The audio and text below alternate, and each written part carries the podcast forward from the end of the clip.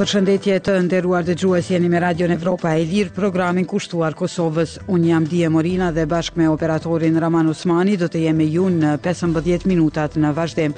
Fillimisht ju njoh me titujt kryesor. I dërguari i BE-së për dialogun Miroslav Lajçak sot takohet me krerët shtetërorë të Kosovës. Nuk ka gatishmëri politike në Kosovë për të hequr dorë prej ndërhyrjeve në gjyqësor, thotë Transparency International. Droni që vrau ushtarët amerikanë në Jordani gabimisht u mendua se ishte i SHBA-së. Për këto dhe informacione të tjera, ju ftojmë të qëndroni me ne. Radio Evropa e Lirë është media e pavarur amerikane e themeluar nga Kongresi i Shteteve të Bashkuara të Amerikës. Misioni ynë është promovimi i vlerave dhe institucioneve demokratike. I dërguari special i Bashkimit Evropian për dialogun mes Kosovës dhe Serbisë Miroslav Lajçak sot viziton Prishtinën ku do të takohet me zyrtarë të lartë shtetërorë, përfshirë presidenten Vjosa Osmani dhe kryeministrin Albin Kurti. Një ditë më parë Lajçak qëndroi në Beograd ku u takua me presidentin serb Aleksandar Vuçiç dhe drejtorin e zyrës për Kosovën Petar Petkoviç. Vuçiç tha dje se ka pasur një takim konstruktiv dhe shumë të dobishëm me Lajçakun.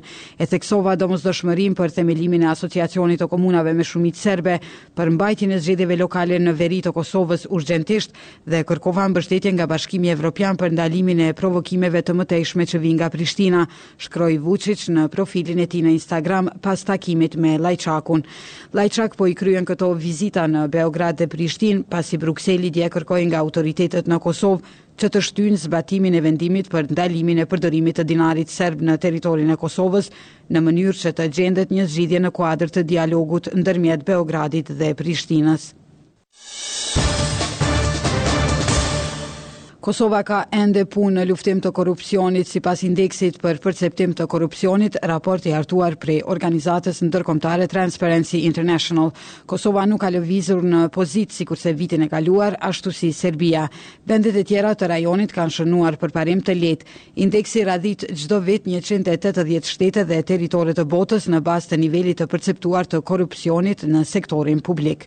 Krenare Cubolli sjell detajet. Në Kosovë nuk ka gatishmëri politike për të hequr dorë prej ndërhyrjeve në gjyqësor dhe ky vend duhet të punojë ende në luftim të korrupsionit.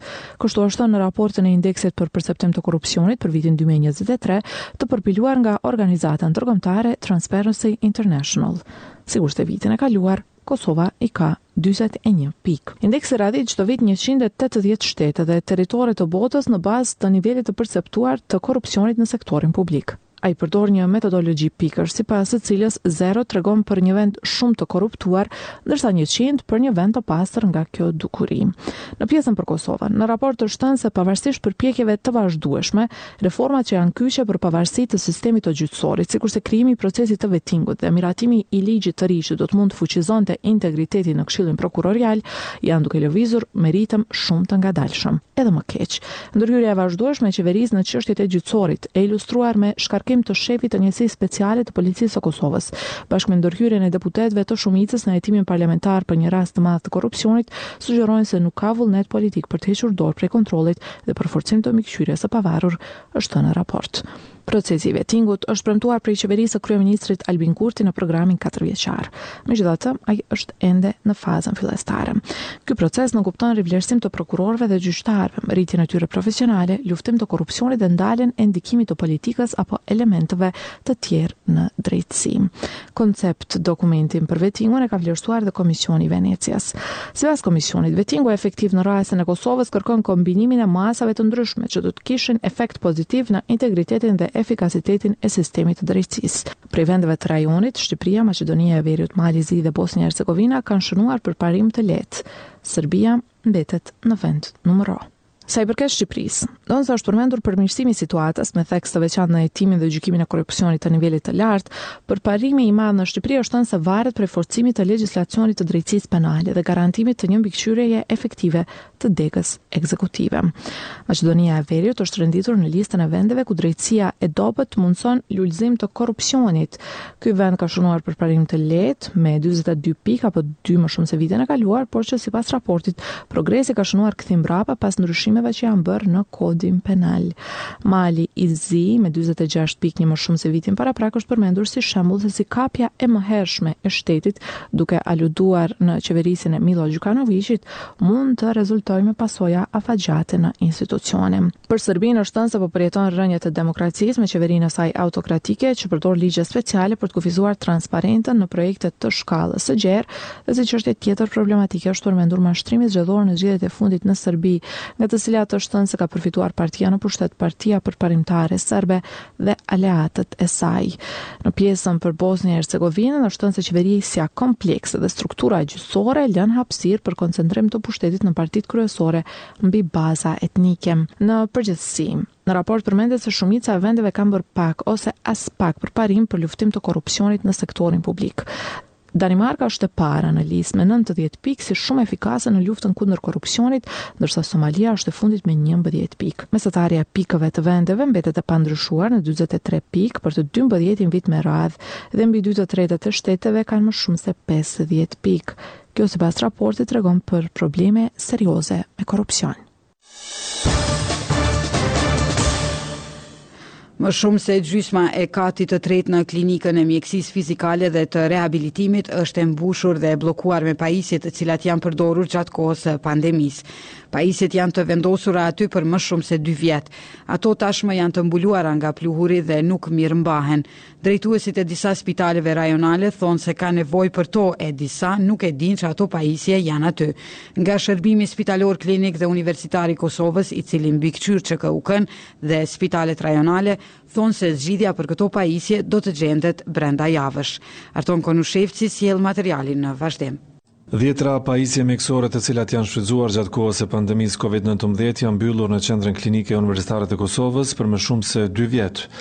Radio Evropa e Lirë siguroi qasje në Klinikën e Mjekësisë Fizikale dhe të Rehabilitimit, ku pa se gjysma e katit të tretë është e mbushur me pajisje të pluhurosura, nga ato për oksigjen deri te ato që përcjellin aktivizimin e zemrës. Në shërbimin spitalor, klinik dhe universitar të Kosovës, i cili mbikëqyr QKUK-në dhe spitalet rajonale, thonë se zgjidhja për këto pajisje do të gjendet brenda javësh, por nuk japin detaje se përse nuk kanë gjetur deri më tash zgjidhje. Tash ka përfundu regjistrimi, është kërku nga njësitë biomjekësore që me shpërnda listën, me marrë të gjitha njësitë përbërëse të SHSKUK-së listën me këto pajisje dhe me ju gjetë vend sa ma i përshtatshëm për përdorim, ku këto pajisje do të mund të përdoreshin, përse për arsye se vetë qëndrimi i këtyre pajisjeve pa përdorë shkakton një farë dami. Thotë për Radion Evropa e Lirë, Elvir Azizi, drejtor i Shërbimit Spitalor Klinik Universitar të Kosovës. Radio Evropa e Lirë kontaktoi disa nga spitalet rajonale të Kosovës për t'u pyetur nëse kanë nevojë për pajisjet që qëndrojnë jashtë funksionit në QKUK. Duke i parë fotografitë e siguruara nga Radio Evropa e Lirë, një mjek në Spitalin e Përgjithshëm të Gjilanit konfirmoi se disa pajisje aty mund t'i hyjnë në punë këtij spitali, pa specifikuar më shumë. Ngjashëm konfirmuan edhe në spitalin e Prizrenit. Ndërsa në Gjakovë thanë jo, mjekët në Vushtrri dhe Mitrovicë të Jugut thanë se nuk janë të informuar për grumbullimin e pajisjeve që nuk përdoren dhe se janë në pritje të regjistrit nga Shërbimi Spitalor Klinik Universitar i Kosovës. Duke folur për Radion Evropa e Lirë disa mjekë të Klinikës së Mjekësisë Fizikale dhe të Rehabilitimit thanë se bllokimi i një pjese të katit të tretë me pajisje e pengon mbarëvajtjen e punës së kësaj klinike. Veç aparaturës së përdorur aty gjenden edhe paketime me pajisje të reja me të cilat furnizohen klinikat brenda Qendrës Klinike Universitare të Kosovës. Kjo qendër nuk ka një depo të caktuar për ruajtjen e pajisjeve rezervë apo atyre të përdorura e që për momentin nuk përdoren. Para vitit dy mijë e njëzet disa të tilla rezerva janë ruajtur në bodrumin e Klinikës së Pulmologjisë, por janë larguar prej aty pasi disa prej tyre janë dëmtuar nga vërshimet.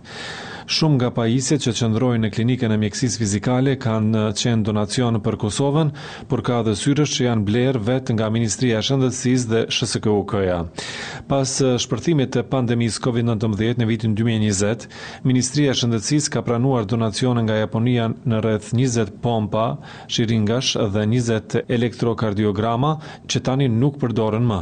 Këto ishin pjesa e parë e pajisjeve nga Japonia, vlera totale e të cilave arrin shumën prej rreth tetëqind e dhjetë mijë eurosh. Pas këtij donacioni Kosova ka përfituar edhe donacione të tjera. Vala e pandemisë së Covid nëntëmbëdhjetë e ka goditur Kosovën gjatë një periudhe në dy mijë e njëzet dhe një tjetër në vitin dy mijë e njëzet e një. Raste më të rralla kanë vazhduar edhe në vitet pasuese.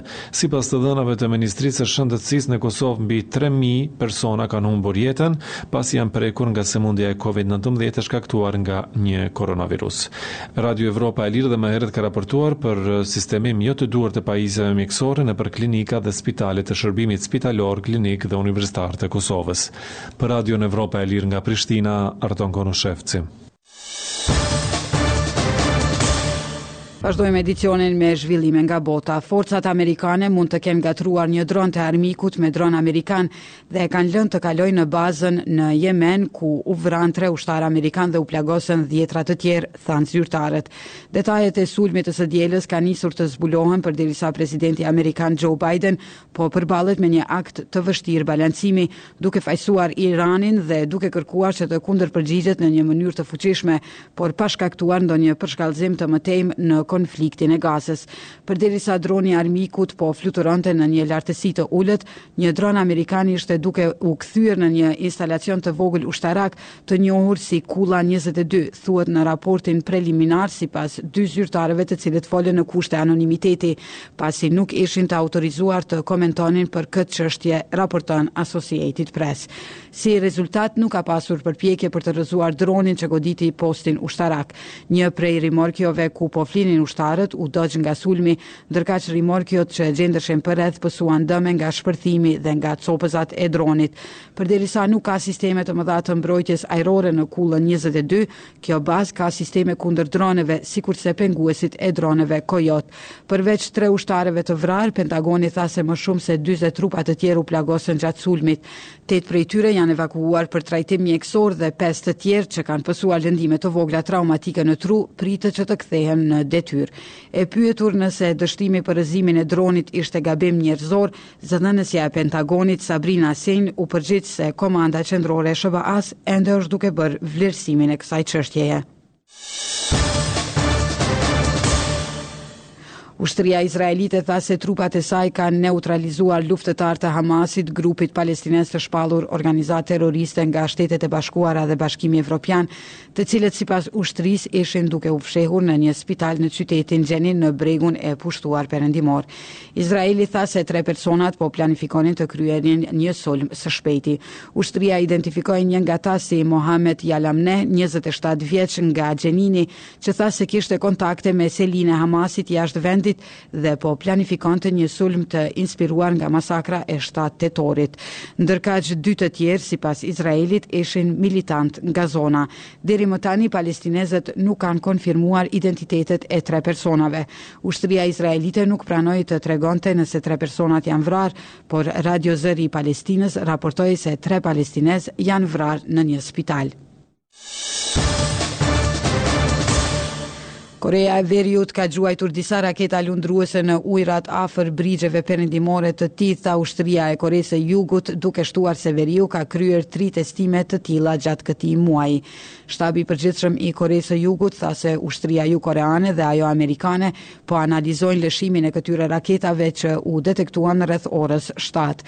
Ushtria e Seulit nuk ofroi më shumë detaje, përfshirë edhe sa raketa janë lëshuar, sa gjatë fluturuan ato apo nëse u lëshuan nga toka apo deti. Lëshimi i këtyre raketave pason testimet e kryera më njëzet e katër dhe njëzet e tetë janar të raketave lundruese Pulvasal tre tridhjetë e një, që Koreja e Veriut tha se janë të dizajnuara të lëshohen nga nëndetëset. Pas testimit të dytë, lideri verikorean Kim Jong-un përsëriti synimin e tij që të ndërtojë një marinë të armatosur me armë bërthamore për të luftuar, atë që ai e përshkroi si rritje të kërcënimeve të jashtme.